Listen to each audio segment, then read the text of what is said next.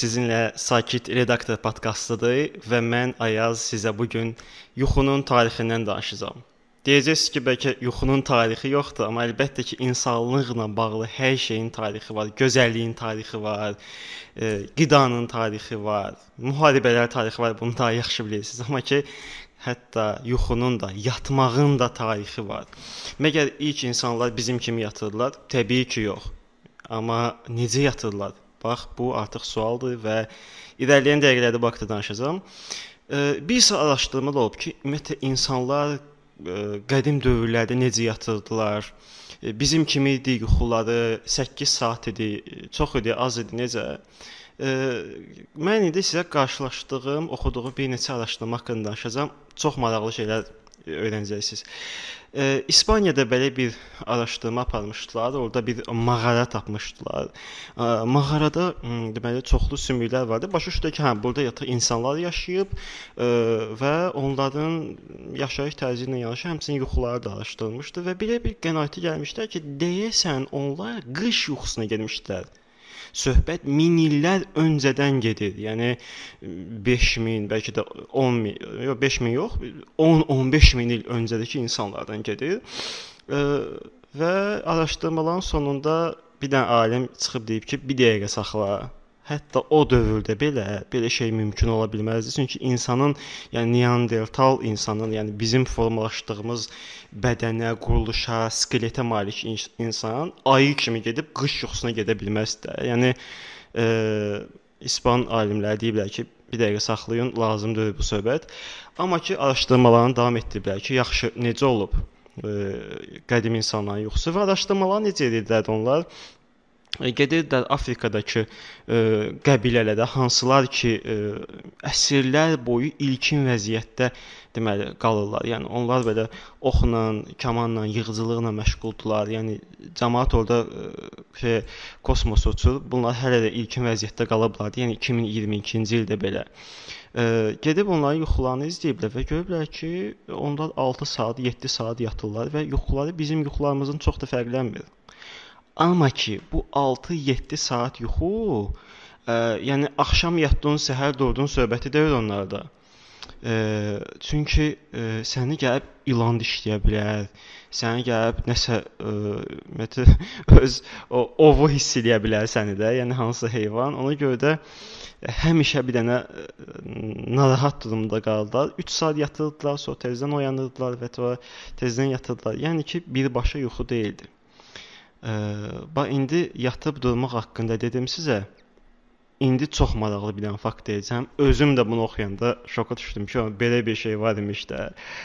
Orta əsrlərdə Britaniyada yuxunu araşdırıblar. Roger Ekridge və belə bir dənə soy adı və soyadı var. Roger Ekridge. İnternetdə yazsaz qabağınıza çıxacaq bu yuxu sahəsində görkəmli alimdir. O orta əsrlər Britaniyasını araşdırır və belə bir qənaətə gəlib ki, həmin dövrdə yuxu iki fazalı idi. Yəni orta əsrlərdə 15, 16, 17-ci əsrlərdə yuxu iki fazalı idi. Bu nə deməkdir? İzahatını verirəm qəliz sözlərlə danışmadan. Deməli, deməli, e, bu nə deməkdir? O, orta əsrlərdə Britaniyada insanlar tutaq ki, saat 6-da, 7-də hava nə vaxt qaraldı da, yəni yatırdılar. Sonra gecə saat 1-də, 2-də oyanırdılar və normal həyatına davam etməyə başlayırdılar. Bəli, bəli. Və tezdən saat 3-də, 4-də yatırdılar, ə, saat 6-ya, 7-yə kimi. Bu niyə belə olurdu? Çünki indi indi məni çəkən Samsung telefonu o vaxt yox idi.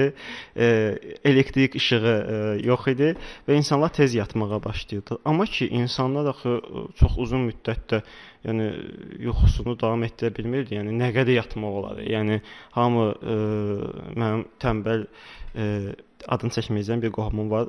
Onun kimi deyir ki, yatdın da, getdin də. Yəni insanlar 7-8 saatdan çox yata bilmirlər uzun müddətə. O vaxtı deməli yatırdılar gec saat axşam saat 6-da, 7-də, 1-də oyanırdılar və buna dair qeydlər qalıb. Bəli, bəli. O vaxt qeydlər qalıb ki, Bəs e, həmin o iki vaxt demək ki, gecə saat 1-dən 4-ə kimi oyaq qaldılar Britaniyada. Həkim qeydləri qalıb ki, həmin vaxt ərzində dərman içmək lazımdır. E, sonra ə, həmin vaxtda xanımlar üçün qeydlər var ki, yaxşı xanım həmin vaxt nə etməlidir? Qulluqçusuna tapşırıqları verməlidir, e, ev yığışdırmalıdır, paltarları nəmləndirməlidir ki, e, deməli e, səhər tezdən durub yusun. Bəli, həmin vaxt üçün çoxlu qeydlər və və Roger Ekridge bir çox araşdırmalar eləyəndən sonra qənaətə gəlmişdi ki, o vaxt həqiqətən də iki fazalı yuxu var idi. E, hərə öz işi ilə məşğul idi. Yəni gecə saat 1-dən 4-ə kimi oğrular ova çıxırdılar, kimsə e, oturub söhbət eləyirdi, kimsə yəni normal həyatını yaşayırdı. Sadəcə elektrikləndirmə yox idi, yəni elektrik işığı yox idi, yəni durub indi bizim kimi televizora baxa bilmirlər də çox maraqlı bir şey. Elə bu gün onu ə, oxudum ki, 1710-cu ildə olmuş hansısa bir ə, qraf idi yoxsa kimsə idi. Yazırdı ki, artıq yeni-yeni və şam böyük şamlar və işıqlandırmalar çıxırdı, işıqlandırma vasitələri çıxırdı. 1710-cu ildə biri yazırdı ki, bu tezə mod çıxıb, e, yəni cəmaət gecə saat 11-ə 12-ə kimi oyaq qalır, ə, yıxılın yatın da saat 6-dan da. Yəni təsəvvür edin ki, saat 11-12-də yatmaq e, təzə mod çıxıb kimi o vaxtı deməli e, qələmə alınırdı da. Ə, e, və iki fazalı yuxu ə, orta əsrlər Britaniyası üçün çox o qədər oturuşmuş bir şeydir ki, kimsə durub indi ə, gecə saat 11-də yatmayanda ona hamısı dəli kimi baxırdı. Ə, bunu ə, deməli qeydlər öz yerində, amma ki Roger Ekris bir dənə araşdırma aparıb ki, görək indiki insanlar elə yuxunu ə, e, öz həyatlarına tətbiq edə bilərlər yoxsa yox. O götürüb ə, 17 nəfər insanı ə, e, Britaniyanın ə, 17-ci əsrdə, 16-cı əsrdə insanlar necə yaşayırlar? Bax elə bir hala gətirib ki, ev işıqlandırma və digər proseslərdə elə bir ə, şərait qurub onlar üçün ki, gedin abala, gedin görək nə qədər siz qalacaqsınız da yuxusuz və yaxud da yuxulu vəziyyətdə. İlkin vaxtlarda onlar 17 saat yatıblar. Yəni heç kim te əlinə telefon verməyiblər, televizorlar yoxdur, TikTok yoxdur, nəyəsinlər. Yəni 17 saat yatıblar. Və bu proses bir 2-3 həftə davam edib də bunlar 17 saat yatmağa o cür krizdə fikrə gedib ki, ayda mən gül kimi ideyalar sürmüşdüm ki, 2 fazalı yuxu nə oldu birdən-birə aləmi vurdular bir-birinə də. Amma yox, ə, alim tədqiqatlarını davam etdirib və belə bir qənaətə gəlib ki, ə, insanlar, müasir insanlar yuxu aclığından əziyyət çəkirlər. Ona görə onlar 17 saat ard-arda yatmışdılar. 3 həftədən sonra həmin o təcrübədəki insanlar iki fazalı yuxuya keçdilər. Yəni bayaq dediyim kimi Britaniyalılar kimi saat 6-da yatdılar, gec saat 1-də durdular və saat gecə 4-də təzədən yatdılar. Bu çox maraqlı bir e, qeyddir və deyilənə görə hətta 1920-ci illərə kimi bu təcrübədən istifadə edirlər, bu yuxu praktikasından istifadə edirlər insanlar. Çünki axı belə deyək də 100 il öncə, yəni təzə-təzə başlayır da elektrikləşdirmə prosesləri. Yəni Və sizə deyim ki, 100 il öncə digər faktorlar da dünyada başqa cür idi. Yəni e, bax indi bir e, kitabdan oxumuşdum. Burada da deyəsən Nağabəy Şeyx Zamanlının e, xatirələr kitabıdır. Orada e, Xalq Cümhuriyyəti dövründə e, na, e, nazirliklərdə, idarələrdə iş saatları yazılmışdı. Və e, deyir ki, səhər 8-də işə gedirdilər günorta 2-də işdən çıxırdılar, e, sonra nahar edirdilər və axşam yeməyi saat 10-da idi. Axşam 10-da. Təsəvvür edirsiniz? Yəni e, yəni indi e, əsasən saat 6-7 nəzərdə tutulurdu axşam yeməyi kimi. Amma 100 il öncə bizim babalarımız e, saat axşam 10-da yemək yeyirdilər və bu prinsipcə çox e, normal sayılırdı. E, Roger Ekridge haqqında, araşdırmalar haqqında danışdıq və Mən e, bir dənə maraqlı şey deyəcəm. E, elə bu gün oxuduğum bir dənə şey var ki, 1563-cü ildə bu da Britaniyaya aiddir. Yəni Azərbaycandan keçdik tezdən Britaniyaya. E, o vaxtı günorta yatmağa icazə verirdilər, hətta dövlət səviyyəsində, qanun səviyyəsində. dənə yazdığıma baxın, 1563-cü ilin qanununa görə avqust, daha doğrusu may-avqust ayları arasında günorta işçiyə 30 dəqiqə yatmaq icazəsi verilirdi işçilik haqqında, peşə haqqında qanuna görə Britaniyada. Yəni indi də olsaydı gözəl olardı. Ofislərdə yatın hamınız uşaqlar. İşıqları söndürün, paduşkan qoyun başınıza. Yatın. Yaxşı. Britaniyadan danışdıq. Britaniyadan danışdıq və keçirik ilk dövrlərin, deməli, yataq yerlərinə. Axı insanlar heç də həmişə e, belə e, gözəl balıqların üstündə yatmırdılar. İlk e, deməli yataq yerləri kimi təbii ki, yer çıxış eləyirdi. Yəni 10-15 min il insan il əvvəl insanlar sadəcə yerdə yatırdılar. Daha sonra isə keçdilər daşa, yəni ki, yerin üstündə yatırdılar. Niyə görə? Bu narahat idi, amma ki, yerdə səni ilan işləyə bilərdi, yuxarıda səni ilan işləyə bilməzdi, bomba kef ilə. Yəni 5000 il əvvəl üçün bu yerdə şellən getsin. Yəni sən daşın üstündə yatırdınsa, sən kimdənsə üstün idin də ki, siz kasıblar. Torpağın üstündə yatırsan, mən daşın üstündə yatıram. Təxminən belə bir ə, ruslar demişkən panyatka var idi də. Ağızdan topa salam. Ə, sonra isə indi mənə çox maraqlıdır ki, ağızdan topa söz atdığıma görə kimdənsə üzr istəməliyəm yoxsa yox. Nəysə. Yataq yerləri haqqında oxuyarkən mənə ən maraqlı gələn şeylərdən biri Hunların yatmaq üsulu olub. Yəni Attillanın və onun döyüşçülərinin yatmaq üsulu olub. Bunlar 5-ci əsrə aiddir söhbətlər. Onlar atın üstündə yatmağı öyrənmişdilər. Yəni harasa döyüşə gəlsən, bir 500 kilometr o tərəfədə atla çapdın, axşam oldu, nəsə atın üstündə yeməyi yedin və atın üstündə də yatmağı praktika edirlər. Yəni bu mənə görə super bir şeydir. Yəni düzdür, indiki indi müasirlə müqayisə etsək insanlar maşında yatmağı öyrənə bilər, amma gəlin razılaşaq ki, maşında yatmaq daha rahatdır. Nəinki e, deməli atın üstündə. Hunlar dedimsə indi mən çox da yubatmadan bir dənə bu faktı da demək istəyirəm. Bu yaxınlarda ə, qulaq asmışdım podkastların birində və mənə çox maraqlı gəlmişdi bu. Hətta gülməli gəlmişdi bu fakt. Deməli, hamımız Attillanı tanıyırdıq da. Yeri gəlmiş nədir çaşdım o Attilladır yoxsa Attilla? Hə. E, o deməli deməli Rua adlı bir ə, Hun ə, deməli dövlətinin başçısının qohumu idi və e, ondan sonra hakimiyyətə Bleda və Attila gəlməli idilər.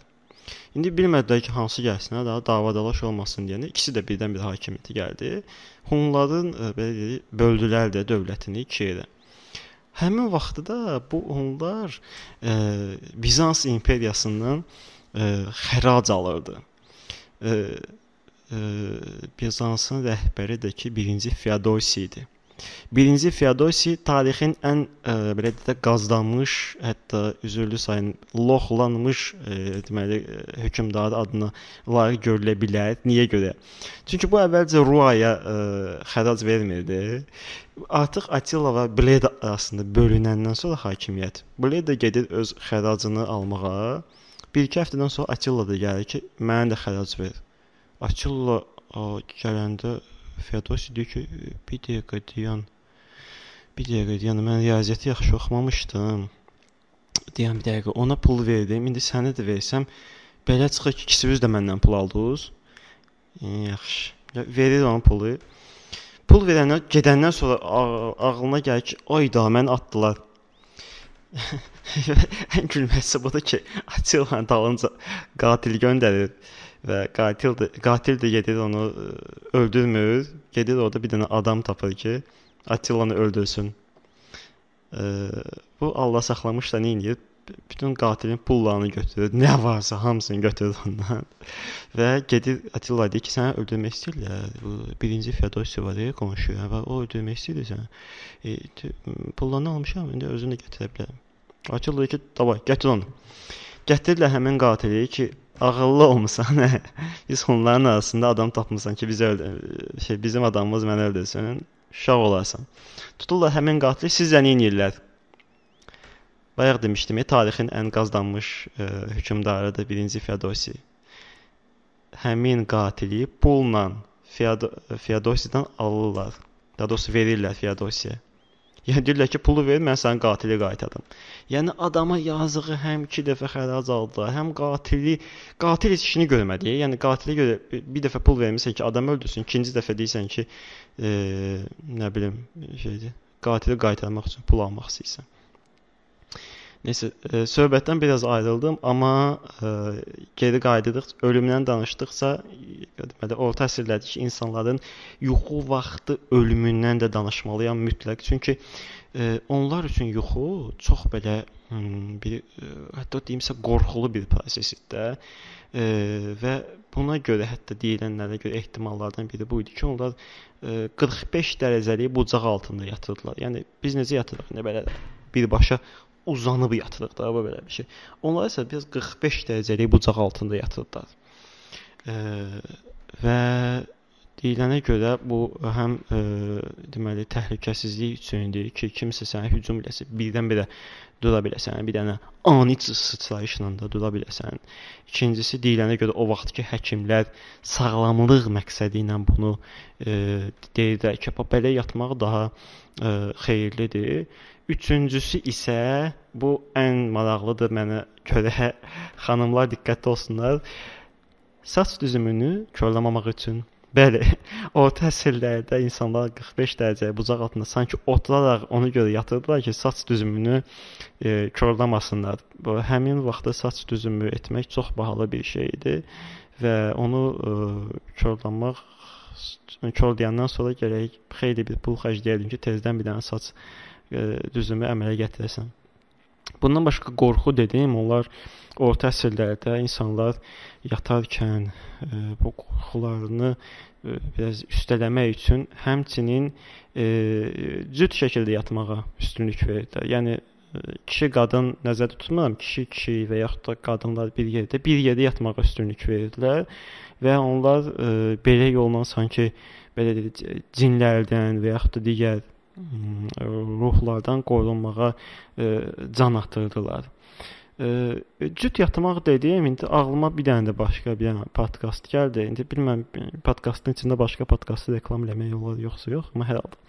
Bir dənə podkast var, e, ruslardandır. Deməli Zakat İmperiya adlanır. İmperiyanın qürubu. Bu deməli Rusiya imperiyasının son 20-25 ilini əhatə eləyir. Orda hər şeydən danışırlar ki, həmin dövrdə insan necə yaşayırdılar, nə yeyirdilər, nə içirdilər, deməli evlərinin quruluşu necə idi, imperatorun başına gələnlər və s. olaraq.